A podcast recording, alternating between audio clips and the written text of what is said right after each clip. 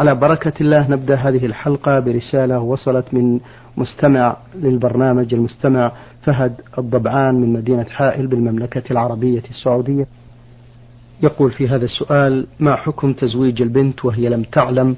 وهل يتطلب منا أن نأخذ مشورتها؟ نرجو إفادة مأجورين. الحمد لله رب العالمين وأصلي وأسلم على نبينا محمد وعلى آله وأصحابه أجمعين. تزويج البنت وهي لم تعلم محرم ولا يصح العقد إلا أن تجيزه بعد. وذلك لقول النبي صلى الله عليه وسلم لا تنكح البكر حتى تستأذن ولا ولا تنكح الأيم حتى تستأمر. قالوا يا رسول الله وكيف إذنها؟ أي البكر قال أن تسكت. فنهى النبي صلى الله عليه وسلم عن تزويج البنت البكر حتى تستأذن. وهذا الحديث عام يشمل الأب وغيره. بل قد ثبت في صحيح مسلم النص على الأب وعلى البكر وأنه يجب على أبيها أن يستأذن منها. وهذا هو القول الراجح أنه لا يجوز أن تزوج البكر ولو كان وليها أباها حتى تستأذن. وإذا استؤذنت فإنه يجب أن تخبر بالزوج على وجه تقع به المعرفة. ولا يكفي أن يقال إنه قد خطبك قد خطبك رجل فهل نزوجك؟ بل لابد أن يبين الأمر ويقال خطبك فلان ابن فلان وظيفته كذا وعمله كذا ويبين لها من دينه وخلقه ما تحصل به المعرفة. اللهم إلا إذا علم أبوها أنها ستفوض الأمر إليه فحينئذ لا حرج أن نقول إنك قد خطبت وإننا نريد أن نزوجك فالمهم أنه لا يجوز لأحد أن يزوج امرأة بدون علمها وإذنها سواء كانت بكرا أم ثيبا وسواء كان الولي أباها أم غيره. هذا ما دلت عليه السنة وهو دليل أثري ويدل عليه أيضا النظر والقياس فإن المرأة ستكون مع الزوج مدى الحياة إذا لم يحصل فراق من قبل والزوج شريكها في حياتها فكيف تزوج بدون إذنها وبدون علمها؟ أو تزوج وهي كارهة. وإذا كان الأب ومن دونه من الأولياء لا يملك أن يبيع من مالها ما يساوي فلسا إلا برضاها فكيف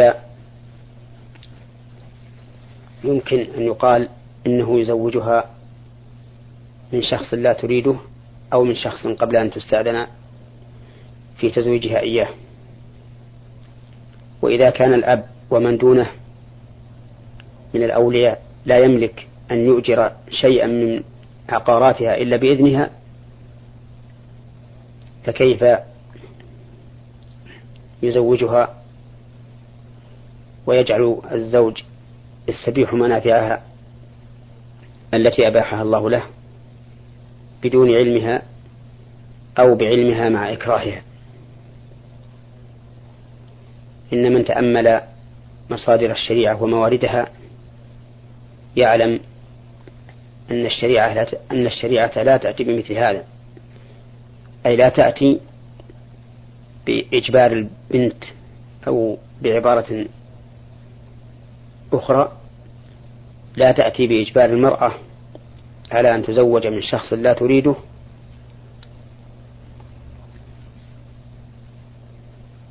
وتمنع إجبار المرأة على بيع شيء من مالها أو تأجير شيء من عقارها.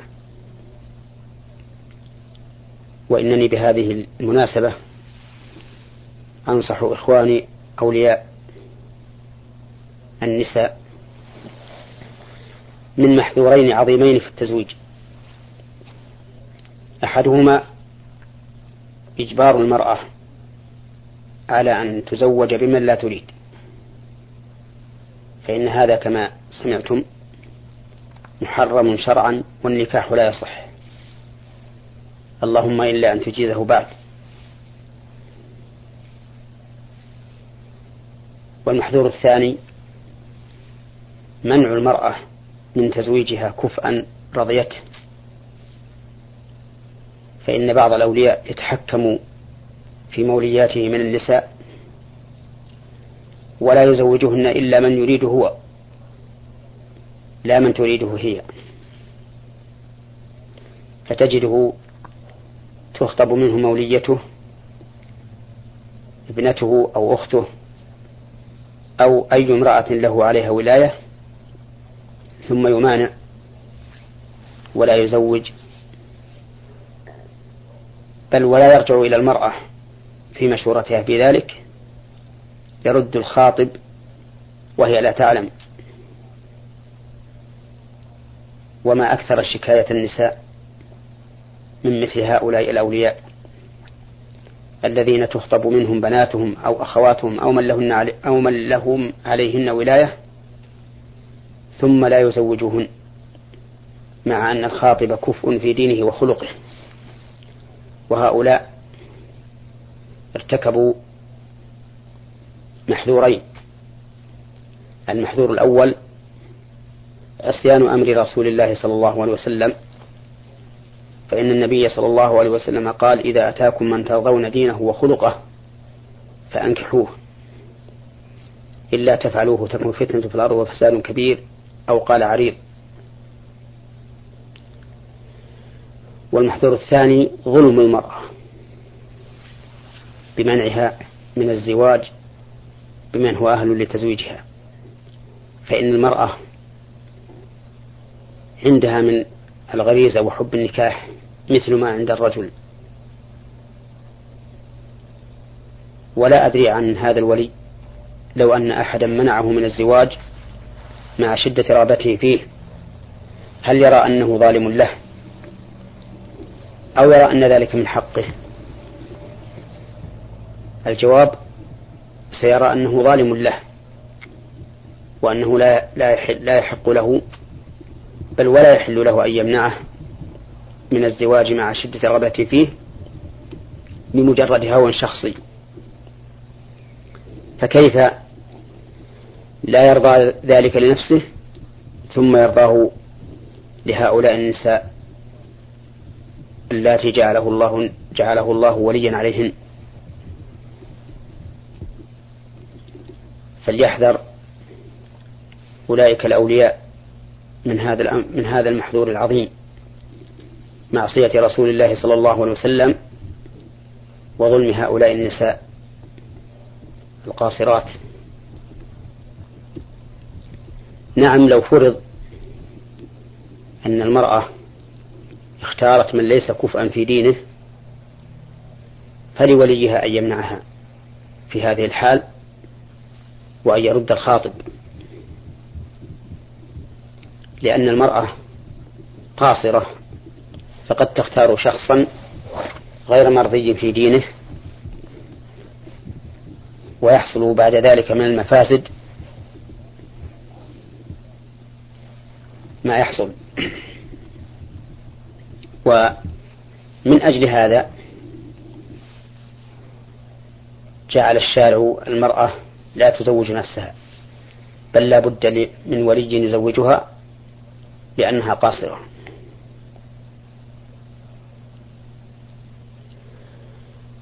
المهم أنني أحذر من أولئك الأولياء الذين يمنعون من تزويج من ولاهم من ولاهم الله عليهن بمن هو كفء لهن في دينه وخلقه لما في ذلك من المحظورين اللذين أشرنا إليهما. ولقد حدثت أن امرأة حضرها الموت وكان وليها يمنع من تزويجها ويرد كل كل من طلبها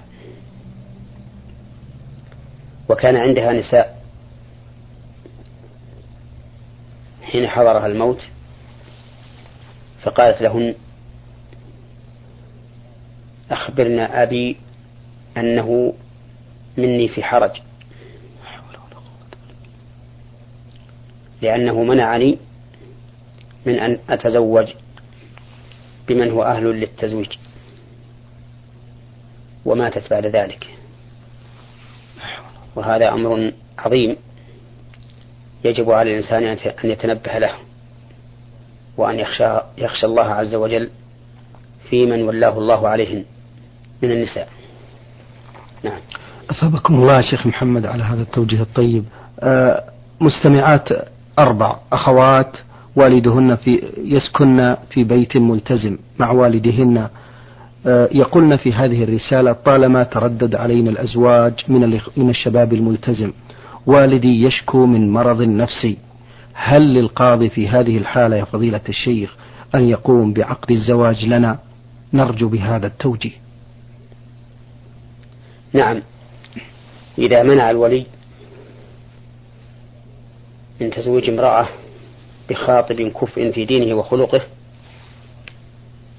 فإن الولاية تنتقل إلى من بعده من الأقارب العصبة الأولى فالأولى فإن أبوا أن يزوجوا كما هو الغالب نعم. لأن كل واحد من هؤلاء يقول أنا في عافية لن أتقدم على أبيها مثلا. إن أبوا فإن الولاية فإن الولاية تنتقل إلى الحاكم الشرعي. ويزوج المرأة الحاكم الشرعي. ويجب على الحاكم الشرعي إذا وصلت القضية إليه وعلم أن أولياءها قد امتنعوا من تزويجها وكان الخاطب كفءا في دينه وخلقه يجب عليه أن يزوجها لأن له ولاية عامة. فإذا لم تحصل الولاية الخاصة فإنه لابد أن يزوج بالولاية العامة. وقد ذكر الفقهاء رحمهم الله أن الولي إذا تكرر رده للخاطب الكفر فإنه يكون بذلك فاسقا وتسقط عدالته وولايته. بل إنه على المشهور من مذهب الإمام أحمد تسقط حتى إمامته. فلا يصح أن يكون إماما في صلاة الجماعة في المسلمين وهذا أمر خطير وواقع من بعض الناس كما أشرنا إليه آنفا نعم. بكونه يرد الخطاب الذين يتقدمون إلى من ولاه الله عليهم وهم أكفاء ولكن قد تستحي البنت من التقدم إلى القاضي لطلب التزويج. وهذا أمر واقع. نعم. ولكن يجب عليها أي على البنت أن تقارن بين المصالح والمفاسد. أيما أشد مفسدة؟ أن تبقى بدون زوج؟ وأن يتحكم فيها هذا الولي على مزاجه وعلى هواه؟ فإذا كبرت وبرد طلبها للنكاح ذهب يزوجها؟ أو أن تتقدم إلى القاضي بطلب التزويج مع أن ذلك حق شرعي لها. لا شك أن الثاني أولى أن تتقدم إلى القاضي بطلب التزويج لأنها تتقدم بحق لها ولأن في تقدمها إلى القاضي وتزويج القاضي إياها مصلحة لغيرها أيضا فإن غيرها يقدم كما أقدمت ولأن في تقدمها إلى القاضي ردع لهؤلاء الظلمة الذين يظلمون من ولاهم الله عليهن بمنعهن من تزويج الأكفاء. ففي ذلك إذن ثلاث مصالح. مصلحة للمرأة حتى لا تبقى أرملة مصلحة لغيرها تفتح الباب لنساء ينتظرن من يتقدم إلى القاضي ليتقدم. الثالث منع هؤلاء الأولياء الظلمة الذين يتحكمون في بناتهم أو في من ولاه الله علي في من ولاهم الله عليهن من النساء على مزاجهم وعلى ما يريدون. وفيه أيضا من المصلحة إقامة أمر الرسول عليه الصلاة والسلام حيث قال إذا أتاكم من ترضون دينه وخلقه فأنكحوه إلا تفعلوه تكن فتنة في الأرض وفساد كبير. وفيه أيضا مصلحة خامسة وهي قضاء وطر المتقدمين إلى النساء الذين هم أكفاء في الدين والخلق. نعم. بارك الله فيكم. آه مستمع للبرنامج يقول ما حكم ترك إزالة شعر الإبط لفترة طويلة؟ وهل هناك مدة معينة يجب إزالته عند مضيها؟ آه إزالة شعر الأبط من الفطرة التي فطر الله الخلق عليها وجاءت بها الشرائع المنزلة من عند الله عز وجل. وكذلك قص الأظافر والشارب وحلق العانة والختام. فهذه الأشياء كلها من الفطر من الفطرة التي يرتضيها كل عاقل لم تتغير فطرته وأقرتها الشرائع المنزلة من عند الله عز وجل. وقد وقت النبي صلى الله عليه وسلم في الشارب والعانة والأبط والأظافر وقت لها أربعين يوما. فلا تترك فوق أربعين يوما. وعلى هذا فنقول إيه، إذا كان الرسول عليه الصلاة والسلام قد وقت لأمته هذه المدة فهي المدة القصوى. وإن حصل سبب يقتضي وإن حصل سبب يقتضي. أن تزال قبل ذلك فإنها تزال. كما لو طالت الأظفار أو كثرة الشعور في الأبط أو الشارب طال قبل الأربعين فإنه يزال. لكن الأربعين هي أقصى المدة وغايتها ومن العجب أن بعض الجهال يبقي أظافره نعم. مدة طويلة حتى تطول وتتراكم فيها الأوساخ وهؤلاء قد تنكروا لفطرتهم وخالفوا السنة التي دعا إليها رسول الله صلى الله عليه وسلم ووقتها لأمته. ولا أدري كيف يرضون لأنفسهم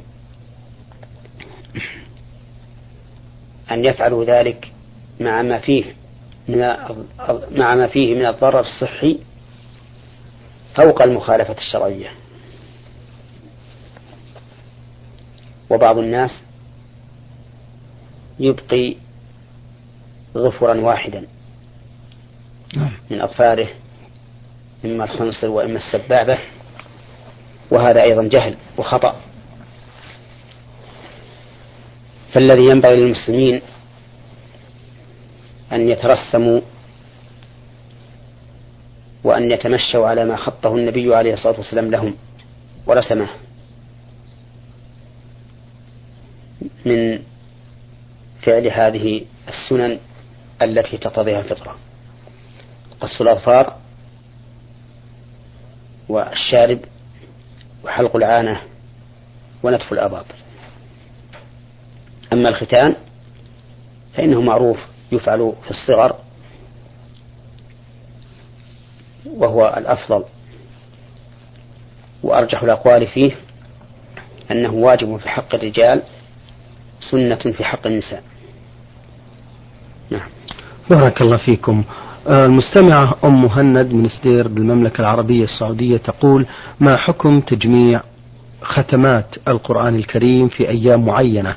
مثل أن يقرأ القرآن حتى الجزء الثلاثين ليبدأ مرة أخرى حتى الجزء الثلاثين ثم يقرأ الجزء الثلاثين في ليلة سبع وعشرين من رمضان. هذا السؤال غير واضح كما ينبغي لكن ينبغي أن يعلم أن الإمام الذي يصلي بالناس في في قيام رمضان لا يطلب منه أن يقرأ القرآن كله على سبيل الوجوب بل يقرأ ما تيسر فإن تمكن من قراءة القرآن كله نعم. هذا طيب. حتى يسمع الناس جميع القرآن في هذا الشهر الذي أنزل فيه القرآن. وإن لم يتمكن من ذلك واقتصر على بعض القرآن فلا حرج عليه. لعموم قوله تعالى فاقرأوا ما تيسر من القرآن وقول النبي صلى الله عليه وسلم اقرأ ما تيسر معك من القرآن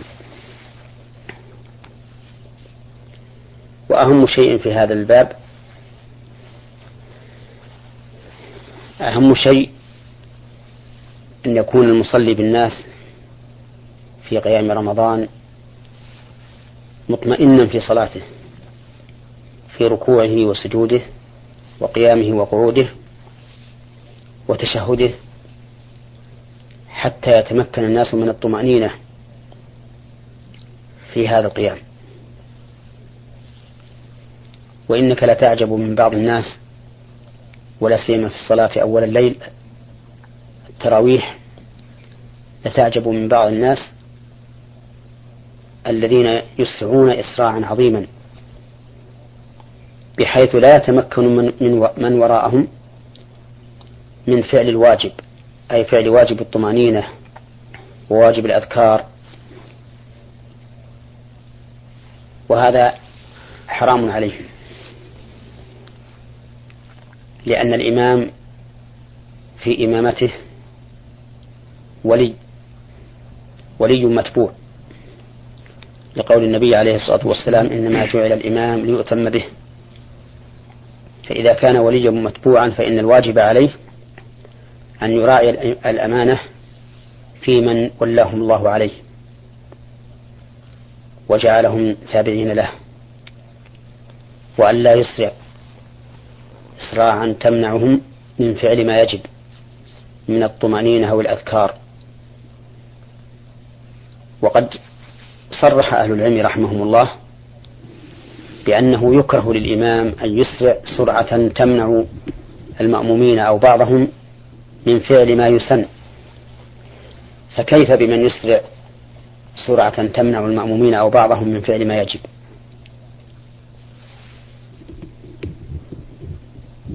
فليتق الله هؤلاء الأئمة وليقوموا عليه وليقوموا بما يجب عليهم من مراعاة المأمومين بحيث تكون صلاتهم موافقة لما تقتضيه الشريعة.